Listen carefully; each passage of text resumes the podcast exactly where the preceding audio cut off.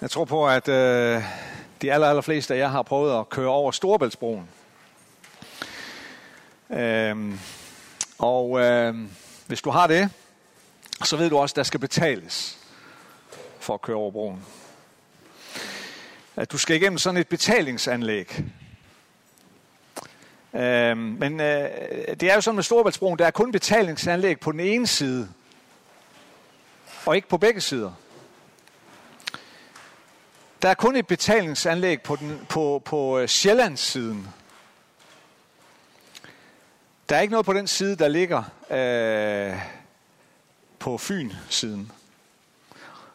Og det betyder så, øh, det er logisk, at hvis du kommer her fra Jylland-Fyn siden, så skal du først betale, når du er kommet over broen. Men kommer du fra Sjællandssiden, så skal du betale, inden du kører over broen.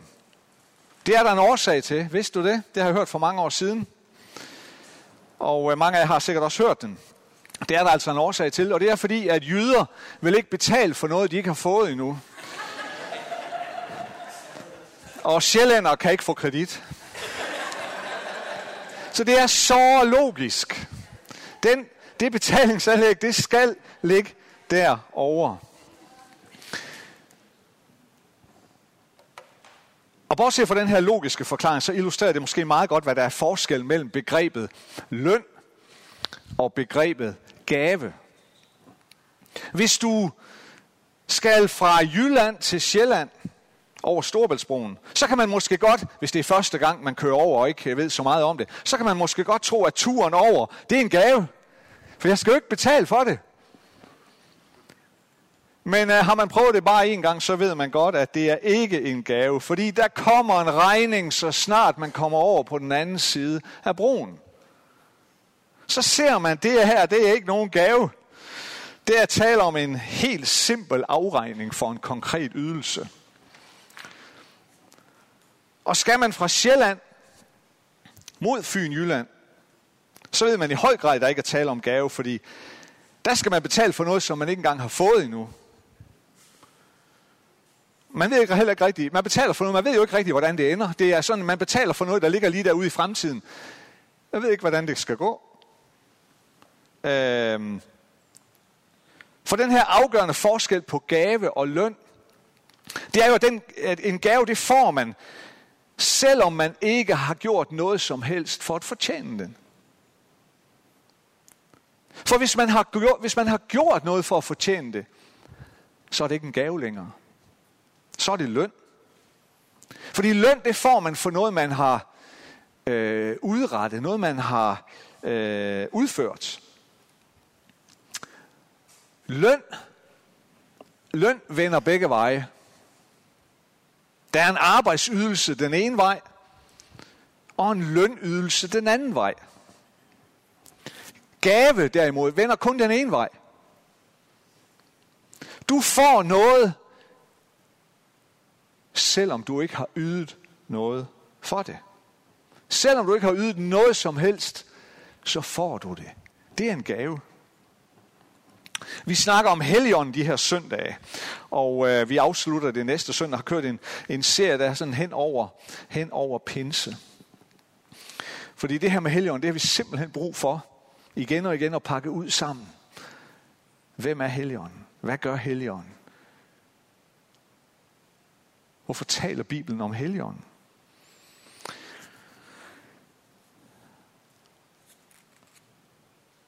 I den her tekst, jeg skal læse lige om lidt, der befinder vi os i Jerusalem. Og Jerusalem var tæt pakket med mennesker på det her tidspunkt, fordi det var en højtid. Det var den jødiske pinsefejring. Og den jødiske pinsefejring øh, er sådan traditionelt set måske sådan lidt todelt. Øh, den jødiske pinsefejring er først og fremmest en fejring af Guds pagt med Moses. Hvor man fejrer det, der skete mange, mange, mange, for mange, mange, mange år siden, at, at, øh, at Gud indgik en pagt med Moses øh, på israeliternes vegne, og hvor Moses fik lovens tavler på Sinai-bjerget. Men pinse, den jødiske pinse er også en øh, takkefest, hvor man takker Gud for årets første afgrøder. Så på en eller anden måde er det også en slags høstfest. Og der, midt under den her jødiske pinsefejring, så sker der det her, som vi kan læse om i Apostlenes Gerninger, kapitel 2, at disciplene, de bliver, de bliver fyldt med helligånden. Og de får den her gave, som de slet ikke... Jesus havde fortalt om dem, at der var en gave på vej, men de havde jo slet ikke forstået det, og anede vel dybest set ikke rigtigt, hvad det var, de skulle forvente. Men det sker der midt under den her pinsefest. Og det sker derefter, at, at, at, at, at så er det, at Peter, disciplen Peter, som jo der i det, hvad kan man sige, bliver til apostlen Peter, træder frem og holder sin store, store prædiken.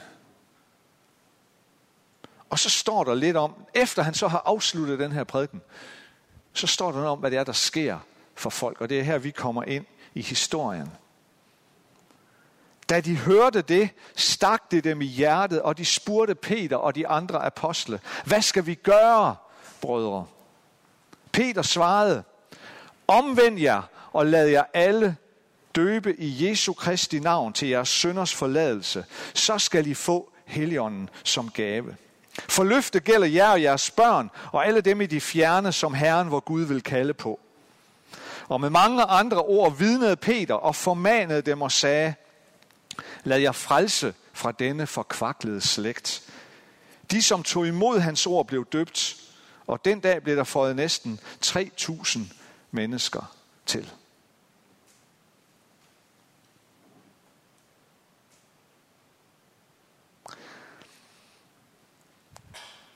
Peter holder den her fantastiske prædiken, hvor han udlægger en hel del af jødernes historie for dem, men hvor han jo udlægger Guds frelsesplan. Og det udlægger han for den her store skare af jøder, som dels bor i Jerusalem, men som også er kommet til byen. Pilgrimme, jødiske pilgrimme, kommet til fra andre steder af verden, kommet for at fejre pinse, og som nu står og lytter til den her fantastiske prædiken. Og Peter forklarer for dem, hvordan Jesus Kristus, den korsfæstede, den opstandende, at han er Guds messias. At han er den, som jøderne gennem generationer har ventet på. Og så slutter han af med at sige, at den Jesus, som I har korsfæstet, har Gud gjort både til Herre og til Kristus. Og det er så her, vi kommer ind i historien. Hvor der står, at der sker noget med de mennesker, som står og lytter til Peters prædiken. Der sker i hvert fald to ting. For det første, så står der, at det stak dem i hjertet. Det, som Peter sagde til dem i sin prædiken. Det stak dem i hjertet. Hvad betyder det, at det stak dem i hjertet? Har du nogensinde oplevet at få at vide noget, som stak dig i hjertet? Har du nogensinde oplevet, at der er en eller nogen, som har sagt noget til dig, som stak dig i hjertet? Jeg tror på, at de allerfleste af os har oplevet det. Og ved hvad, jeg tror, at vi skal være glade for det. Jeg tror, vi skal være taknemmelige for, at vi kommer til at opleve det en gang imellem. At der er nogen, der siger noget til os, som stikker os i hjertet. For selvom det ikke føles særlig rart, og heller ikke i overført betydning, at der er noget, der bliver stukket ind i hjertet,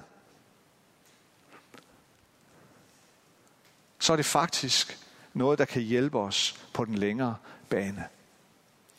Hvad vil der ske, hvis der rent fysisk bliver stukket noget ind i hjertet på os?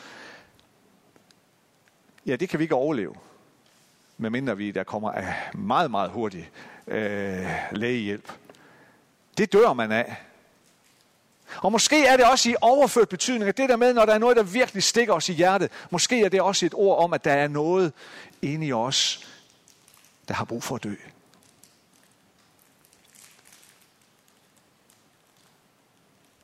Så det der med, at i overført betydning, at blive stukket i hjertet, så er det måske noget, der kan hjælpe os på den længere bane. Så måske skal vi, vi skal være glade for det.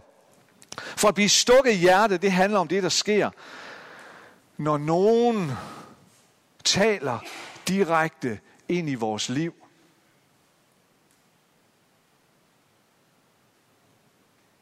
Og kommenterer på noget. Nogle gange råt for usødet. Hvad det er, de ser eller har set i vores liv. Hvad det er, de kan se ud af den måde, vi lever vores liv på, eller de kan se det ud af vores personlighed, eller vores karakter, eller noget, vi har gjort, eller noget, vi har sagt. Og så kommenterer de på det. Det er med andre ord det, der sker, når nogen sætter fingeren på, på, på et eller andet sted i vores liv, og det er mange gange et ømt sted. Det er det, der sker, når nogen holder spejlet op foran os. Så jeg bliver konfronteret med noget, som måske ikke ser alt for kønt ud.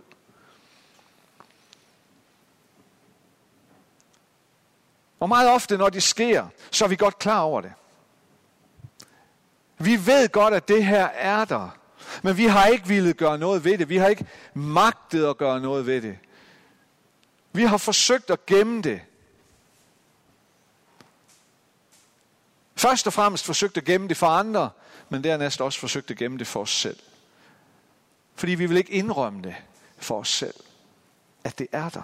Men pludselig så er der en, der afslører det. En, der holder spejlet op foran dig og siger, prøv at se, her er det. Jeg kan godt se det. Kan du selv se det? Og det kan godt gøre ondt. Især på den korte bane. Det kan, blive, det kan gøre ondt at blive konfronteret med sandheden om en selv. Den sandhed, som man måske godt, hvis man skal være helt ærlig, godt kender til, men som man lukker øjnene for.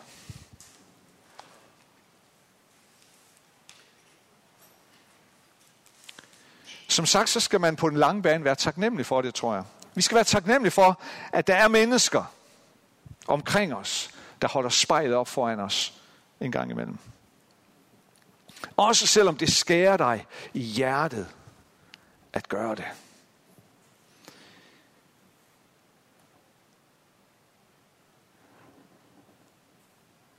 Hvis du kun omgiver dig med mennesker, som taler dig efter munden, som altid klapper dig på skuldrene, som altid bekræfter dig i, at du har de rigtige holdninger og de rigtige meninger, og du gør altid det rigtige. Hvis du kun omgiver dig med den slags mennesker, så vil jeg våge den påstand, at det er på tide at overveje, om ikke du også skulle lukke nogle andre mennesker ind i dit umiddelbare nærhed. Det er farligt kun at omgive sig med rygklapper. Det er det sjoveste nogle gange, men det, det er også farligt.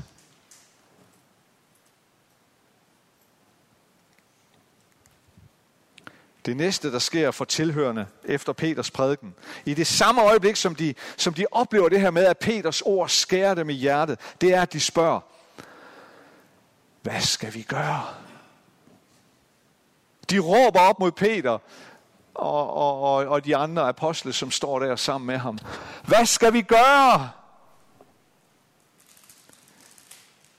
Det er det helt naturlige spørgsmål at stille, når man netop har modtaget et klart budskab fra, en anden, fra et andet menneske om ting, der nok bør ændres i ens liv. Det, jeg synes, der er fantastisk, det er, at alle de her jøder, som hører det her, de protesterer ikke engang.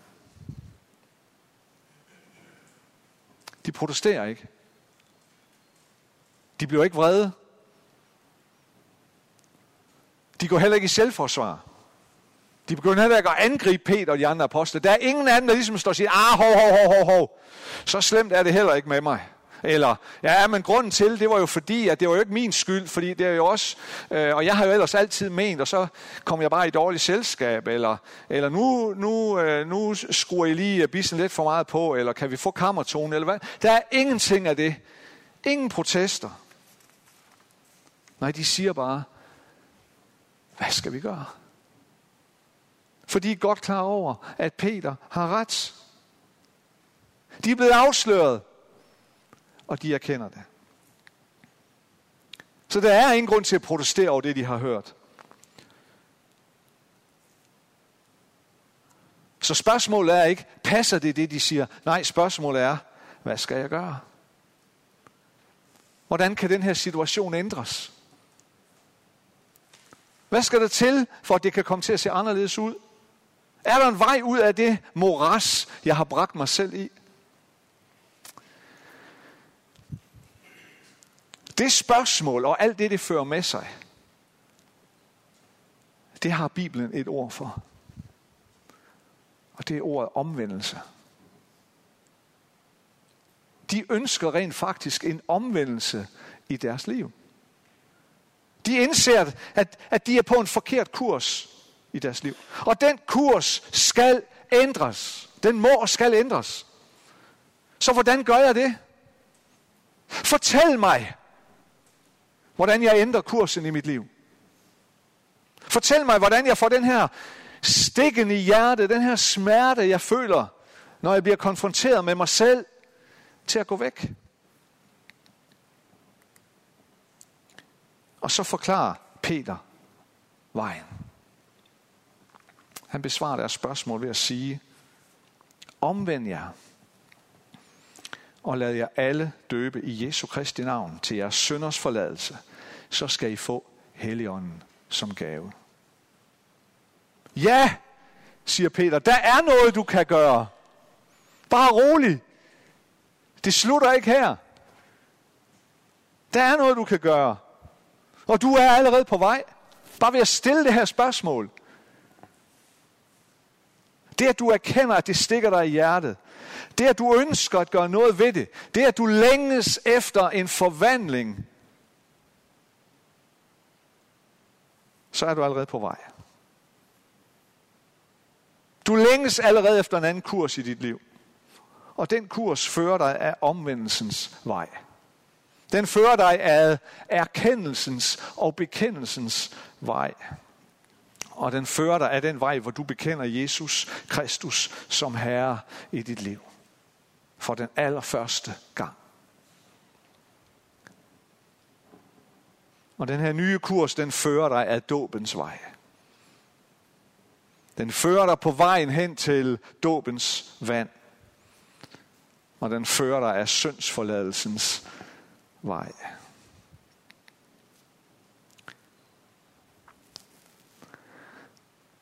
Og så forklarer Peter det, som er oven i oven i hatten. Helt vidunderligt. Når du gør det her,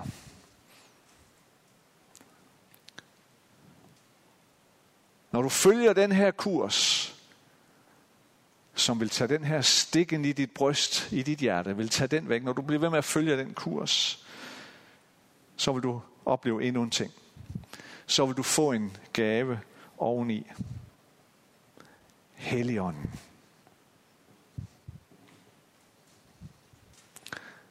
Og det er en gave. Det er betalingsanlægget, der aldrig dukker op. Ja, det var jo en gave.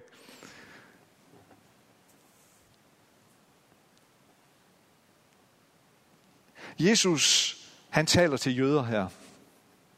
Eller undskyld, Peter. Peter taler til jøderne. Han taler til alle dem, som gik omkring og troede jo, at de som Guds udvalgte folk havde alt sit på det tørre.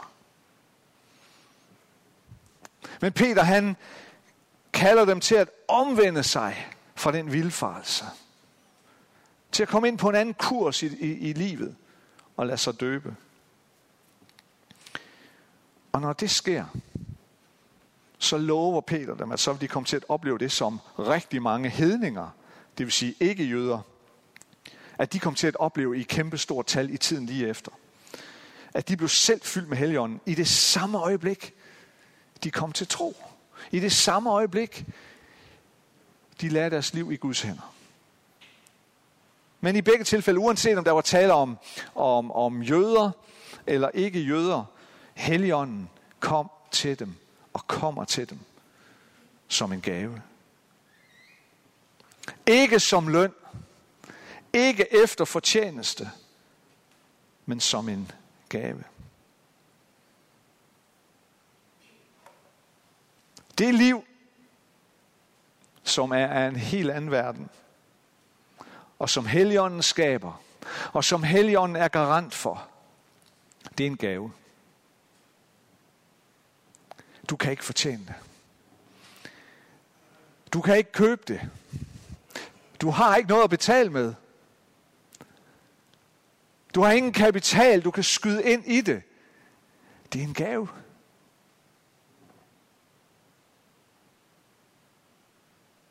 Og du kan kun tage imod det som en gave.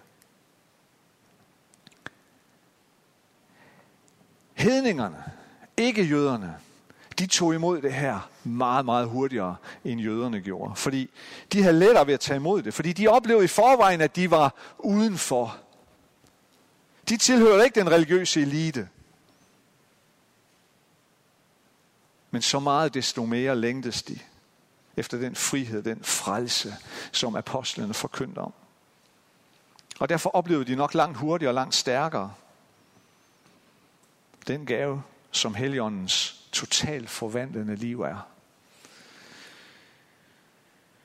Jøderne de gik omkring og troede, at, de, at det havde de som Guds udvalgte folk ikke brug for. Og når man bilder sig selv det ind, så er der brug for en ny kurs, en omvendelse. Nogle gange så, så kan jeg blive forbløffet over at møde mennesker, som er helt nye i troen som på ganske, ganske kort tid har oplevet så meget af Guds nærvær, så meget af Guds kraft, så jeg har skulle leve et helt liv bare for at, at, at ligesom kunne komme i nærheden af noget af det, de har oplevet. De her mennesker, de har oplevet det måske på få måneder. Og jeg bliver bare slået med forbløffelse hver eneste gang, at de har oplevet en sådan fylde af helligånden. Så det er helt vildt. Bare på kort tid. Mere end hvad jeg har, har brugt næsten et helt liv på at erfare. Hvorfor det? Ja, jeg kan kun, jeg kan kun give et svar, og det er, fordi de længes. At de har bare længtes. Og måske har de aldrig rigtig, før til sådan lige allersidst, kunne sætte ord på, hvad det egentlig er, de længes efter. Men de bare længes efter det her liv. Og når så det er der, så kan jeg love jer for, så griber de det.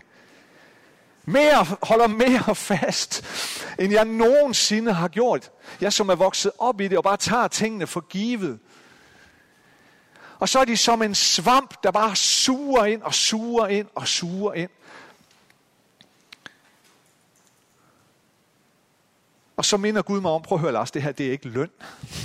det, er ikke noget, det, er ikke noget, du, det er ikke noget, du kan gøre dig fortjent til, selvom du har været kristen i 45 år. Men jeg giver til enhver, som længes. Jeg giver til enhver, som tørster. Jeg giver, det er en gave, det er ikke løn.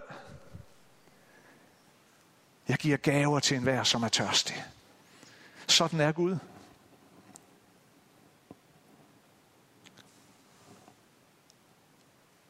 Det eneste, det drejer sig om, det er at strække sine hænder frem og tage imod den gave, som Helligånden er. Og jeg tror egentlig bare, det, det, det er et, et, et vigtigt spørgsmål for mig, nærmest hver eneste dag, det er at stille mig selv de her spørgsmål. Lars, er dine hænder knyttet i dag, eller er de åbne i dag? Går du omkring og tror, jamen jeg har svarene på det hele, jeg behøver ikke at opleve mere. Der behøver ikke at blive lukket mere ind, fordi jeg har forstået det. Eller er mine hænder åbne? Er mine hænder åbne og sige, fyld mig, fyld mig i dag, fyld mine hænder. Fyld mine tomme hænder. Jeg længes efter gaven. Jeg længes efter mere af den gave. Jeg har ingen kapital at betale med. Så jeg har bare brug for din gave, Jesus. Jeg har brug for Helligåndens gave. Og ved du hvad, jeg tror, at det har du også. Så frimodig vil jeg være. Det tror jeg, det har du også. Skal vi ikke rejse os op nu? Og, så vil jeg rigtig, rigtig gerne bede en bøn for dig, som længes efter de åbne hænders liv.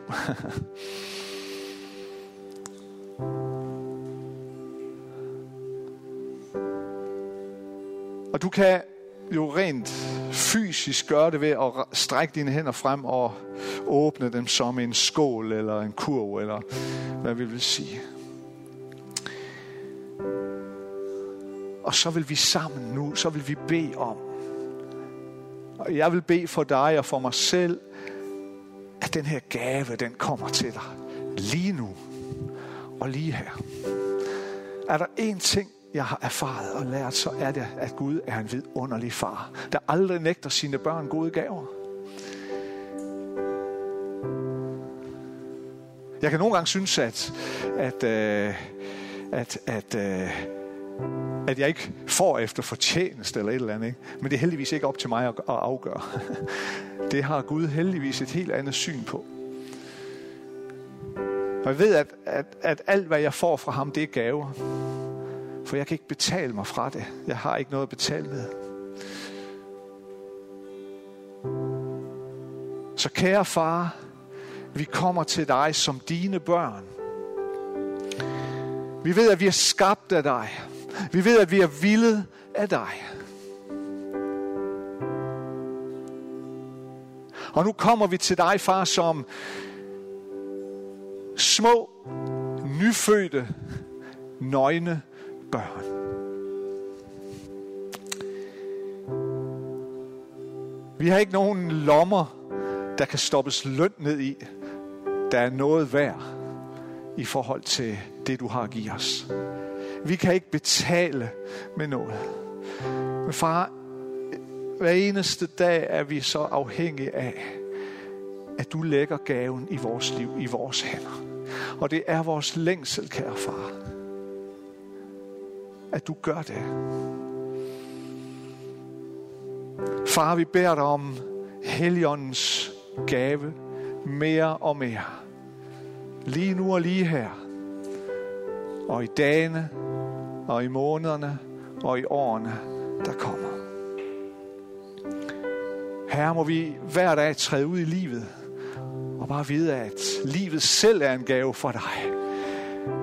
Og for hver skridt, vi tager, for hvert åndedræt, vi drager, så er vi under dit nådige blik. Så er vores liv en gave. Og alt det vi kan, alt det vi har, det er en gave for dig. Tak, at du er her lige nu. Far, vi elsker dig, fordi vi ved, at du har elsket os først. Vi beder dig, kom med din kraft. Kom med Helligåndens kraft.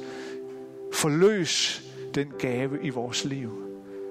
At leve og tjene i din kraft. Hver eneste dag. I Jesu navn. Amen.